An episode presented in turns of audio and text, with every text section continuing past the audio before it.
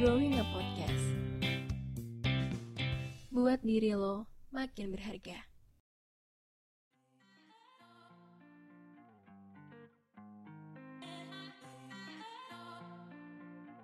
Halo guys, balik lagi sama aku Gaby Chandini tentunya di Growing Up Podcast. Gimana nih kabarnya hari ini? Semoga sehat selalu ya. Hmm, di sini sekarang aku lagi sama Via. Halo, halo, halo semuanya. Perkenalkan, aku Via, temannya Gaby gitu. Nah, jadi dia itu udah punya online shop thrift udah setahun ini ya kan? Vi? Iya bener banget. Jadi alhamdulillah ini udah kisaran satu tahun aku jalanin bisnis, small bisnis lah. Sekitar udah satu tahun gitu. Pasti kalian semua udah tahu kan yang namanya thrift itu apa? Jadi thrift itu barang dari luar negeri yang dia second tapi dia masih bagus-bagus. Nah, dijual tuh ke Indonesia.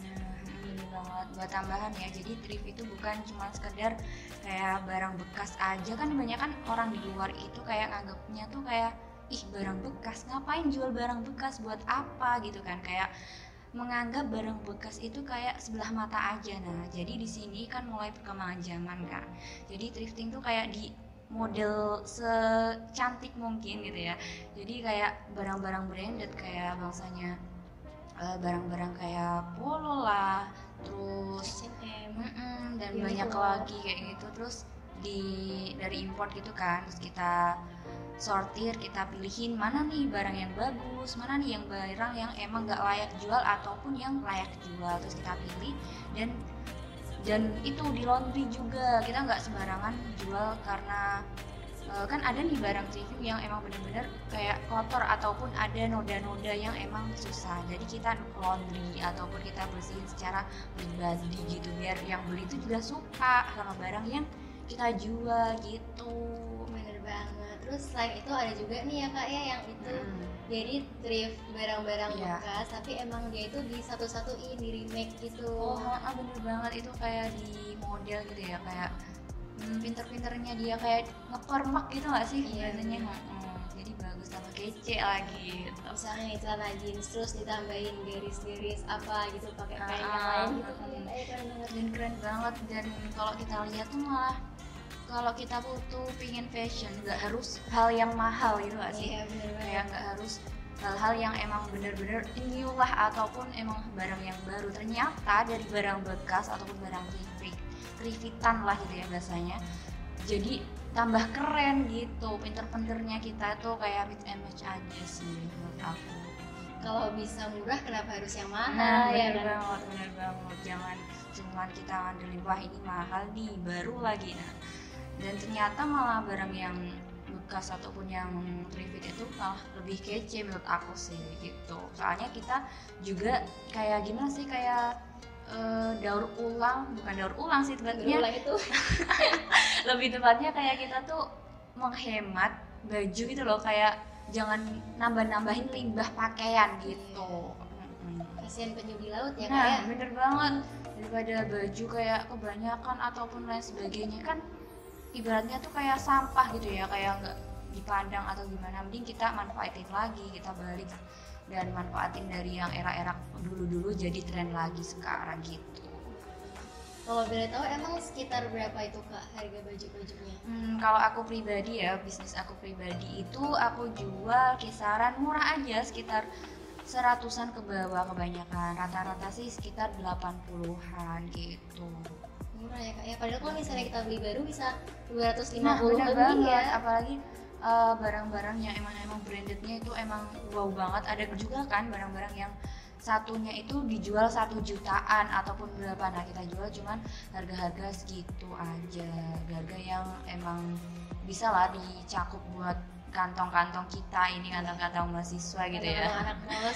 bener banget buat gaya lah style lah ataupun lain sebagainya Bener banget kak. Terus kalau misalnya boleh tahu nih kak nih, kakak udah berapa tahun sih setahunan ini ya kak ya?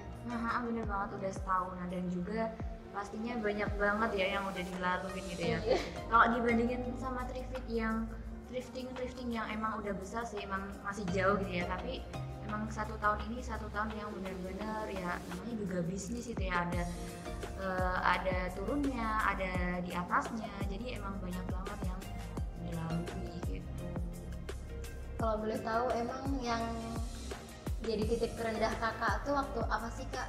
Hmm, kalau bisnis itu sendiri ya kalau titik terendah aku itu biasanya di saat emang kayak kan terkadang tuh kita tuh eh, bosen ataupun kayak jenuh gitu gak sih ngerasa kayak pertamanya aja kayaknya berkobar-kobar nih semangat Iya. ini nah terus tapi udah manusiawi sih emang kita di titik yang bener-bener kayak bosen kayak jenuh kayak bosen sama rutinitas lah sama eh, kita harus upload terus harus upload story terus kayak ngedukasi anak-anak yang lain yang belum pernah thrifting. Kayak bosen kan itu diulang-ulang terus gitu. Nah memang susahnya di situ konsistennya itu. Jadi ya pinter-pinternya kita aja jangan sampai bosen atau ngakalin diri kita sendiri biar inget nih tujuan awal kita bisnis itu apa sebenarnya kan gitu. Kalau kita bisnis cuma main-mainan ya mungkin kalau ada angin yang menerpa ataupun eh, banyak masalah emang gampang banget gugurnya. Tapi kalau misalnya kita emang kayak udah nancepin prinsip ataupun pengen dasaran bisnis itu kayak apa jadi pastinya ntar kalau misalnya bosen kita harus ingat lagi nih yang di awal. Misi misinya apa sih? Visi misinya apa yang harus dituju? Targetnya itu apa tahun ini dan lain sebagainya gitu. Iya. Terus gimana sih kak biasanya caranya kakak nih buat gimana biar kakak tuh bisa konsisten, gimana biar bisa nancepin prinsip-prinsip gitu kalau misalnya lagi tiba-tiba goyah. Nah biasanya aku itu lebih ke yaitu tadi inget inget yang pertama kali visi misi aku. Kayak misal contohnya nih yaitu tadi aku eh, udah mulai nggak konsisten ataupun lain sebagainya. Nih aku tuh kayak merenung gitu kan merenung. Nah ini tuh kok kenapa sih sempet ngedat ataupun sempet kayak diem itu kenapa?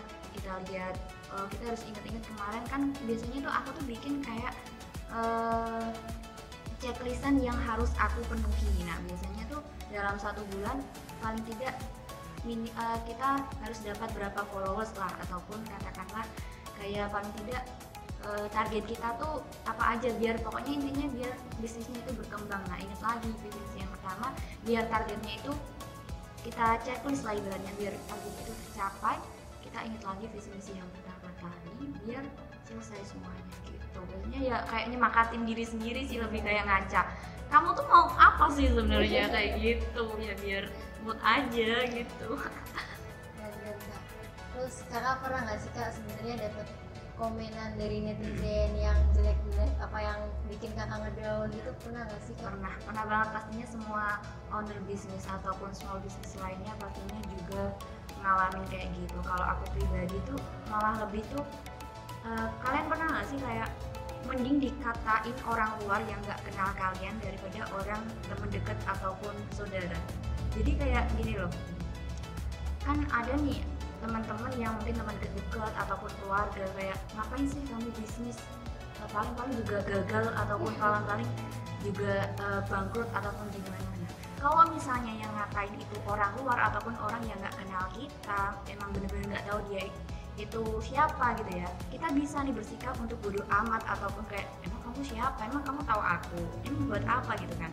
Tapi kalau misalnya yang ngomong itu yang ngucap itu teman deket kita ataupun ibu kita lah katakanlah ataupun ayah kita. Nah itu mesti otomatis kayak rasanya tuh kayak emang sih kita berusaha untuk bodoh amat tapi nggak mungkin deh kalau kita benar-benar bodoh amat. Pasti kayak di benak tuh kayak ih kok gini banget sih? Pasti ada kayak gitu.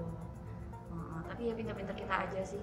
Inget lagi visi misi gitu. Buktiin gitu kan biar selesai biar kita buktiin kalau misalnya kita tuh emang pantas buat ngerjain ini bisnis ini gitu Tapi sekarang pastinya orang-orang yang dulu ngomong kayak gitu udah tau lah ya kak ya gimana perkembangannya kakak sekarang. Iya, banget. apalagi kita buktiin dengan kita kerja keras tadi, kita ngelakuin segala hal tadi kayak misalnya otomatis nih orang-orang yang ataupun orang yang terdekat kita kan lihat nih usaha kita, usaha kita buat packing, buat sebanyak secantik mungkin barang packingan kita dan lain sebagainya. Nah, pas itu kayak oh ternyata dia tuh emang bener-bener usaha nih atau gimana. Nah, otomatis seiring berjalannya waktu eh, pemikiran dia pun juga akan tergantikan gitu. Boleh banget kak. Kalau dari tripnya kakak nih, kan udah setahun nih ya kak ya udah lama. Nah itu tuh udah kejual sampai mana aja sih kak mana yang paling dijual aku itu waktu pertama kali jualan itu malah dapat nih dapat orang jauh daerah Kalimantan Timur. Itu pertama kali itu pertama kali. Daerah Kalimantan Timur pernah. Daerah Bengkulu aku pernah. Daerah Palembang pernah. E, malah kebanyakannya luar Jawa. Terus emang kadang tuh aku tuh kayak kesannya gimana ya? Kan kadang tuh kalau misalnya luar Jawa itu ongkirnya tuh mahal ya. Ada yang sampai 50 ataupun mungkin sekitar 50 ke atas lah biasanya aku pribadi kayak kan kasihan gitu loh kayak misalnya dia order tuh ongkirnya mahal banget ataupun gimana aku pasti kasih gift gitu loh kayak aku kasih hadiah kayak cuman gelang lah ataupun bandana lah. Pokoknya hal yang bikin manis biar orang yang beli itu kayak terkesan happy gitu loh. Jadi wah ini dapat ini kayak kayak seneng gitu ya pengen sih gitu. Jadi biasanya aku kasih kasih gitu kayak gitu. Kalau enggak juga ikat rambut ataupun bandana. Ya kayak gitu lah sarannya biar seneng gitu biar ketagihan gitu ya mungkin. Biar mereka nya seneng lagi juga murah sih ya kak ya. Makanya mungkin di sana misalnya beli baju mahal terus order yang solo nih kan terkenal murah emang. Oh, banget. Apalagi kalau misalnya kalau kita lihat nih small business small business nggak cuma thrifting thrifting aja ya. Ada juga yang jualan yang lain sebagainya. Nah mereka tuh yang aku lihat ya dari pandangan aku itu mereka kayak berlomba-lomba bikin packingan yang selucu mungkin dan semenarik mungkin. Jadi ada nih kan lagi lagi masa-masanya bikin packing yang kayak pakai kardus lah. Terus dikasih kayak stiker ataupun dikasih kayak thank you card ataupun dikasih kayak pita-pita uh, dan lain sebagainya. Biar apa? Ya itu tadi biar orang-orang yang beli ataupun konsumen yang beli itu kayak terkesan kayak wow kayak di ibaratnya kayak disurprisein banget gitu loh sama yang jualan ini padahal beli tapi kayak dapat kado kan gitu. Jadi biar ya itu tadi sih emang daya tarik buat nilai plus uh, nilai plus. Tapi kalau misalnya kita lihat emang kebanyakan yang peduli sama packing kayak gitu tuh lebih ke small business.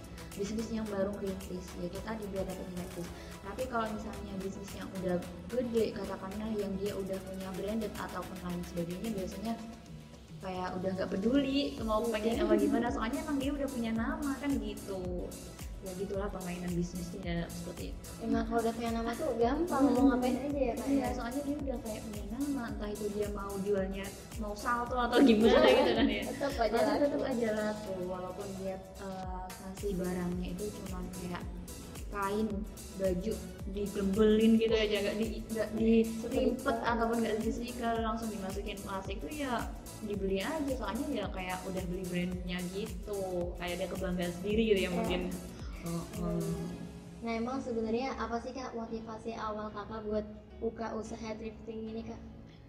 Motivasi aku pertama kali tuh yaitu tadi aku tuh kan masih anak-anak SMA gitu ya anak-anak SMA lagi udah amal sekali.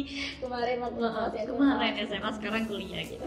Nah aku kan masih anak-anak kuliah. Aku tuh kayak pengen punya cita-cita besok kalau misalnya aku udah di usia-usia yang uh, mapan lah atau sebagainya lah. Pokoknya udah mapan gitu ya usia-usia yang sekitaran 27 ataupun 28 itu. Kayak udah punya usaha sendiri pengennya tinggal duduk ataupun tinggal kayak kita tuh kayak tinggal mantau gitu lah. Kan otomatis pengen tuh sih ya pengen tuh ya pengen cita-cita aja kan boleh ya. Nggak apa-apa planning dulu. Planning aja dulu kenyataannya nanti gitu aja. Jadi cita-cita aku itu kayak ntar kita punya bawahan gitu ya kayak punya karyawan. Katanya punya karyawan. Terus besok aku waktu 28 ataupun 29 ya tinggal kayak mantau karyawan aku aja. Dan ntar pendapatannya ngalir gitu pengennya gitu. Dan tambah gede amin Amin. amin. Dan ke lapangan kerja juga Dan, ya kak ya. uh, jadi buka buka lapangan kerja buat anak-anak pengangguran gitu ya lah jadi bolehlah jadi karyawan gitu. Bener nah mungkin yang terakhir nih kak apa sih kak tips sama sarannya kakak buat mungkin teman-teman di sini yang lagi dengerin pengen nyoba buka thrift Mhm. pengen nyoba ngerintis bisnis bisnis kayak gitu apa kak tips sama sarannya tips dan saran dari aku pribadi uh, itu lebih kayak kalian kalau memang jualan ataupun pengen bisnis jangan cuman ngejar kayak tren aja gitu ya. Soalnya kalau misalnya emang ngejar tren aja dan belum dengan landasan yang kuat biasanya tuh gampang goyah gitu.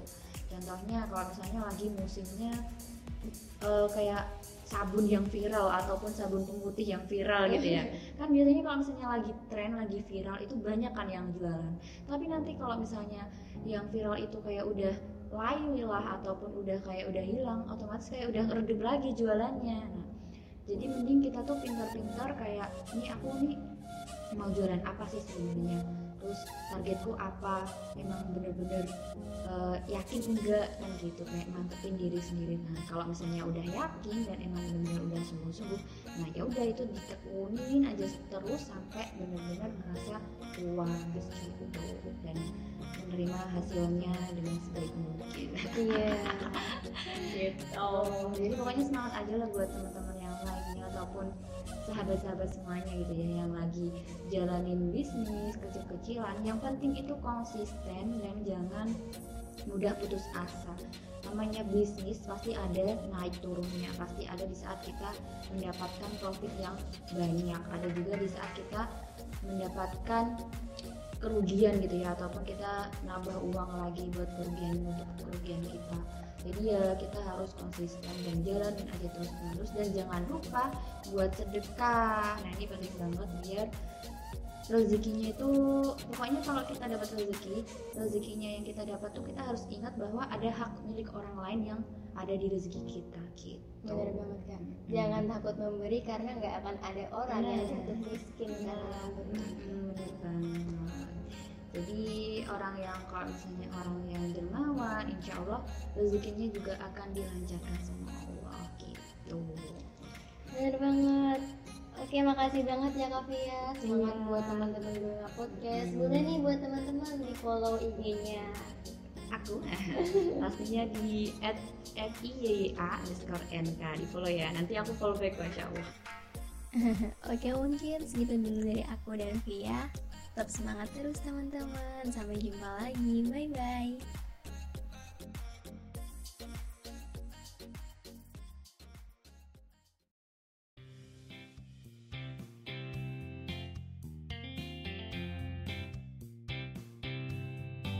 Growing a Podcast. Buat diri lo makin berharga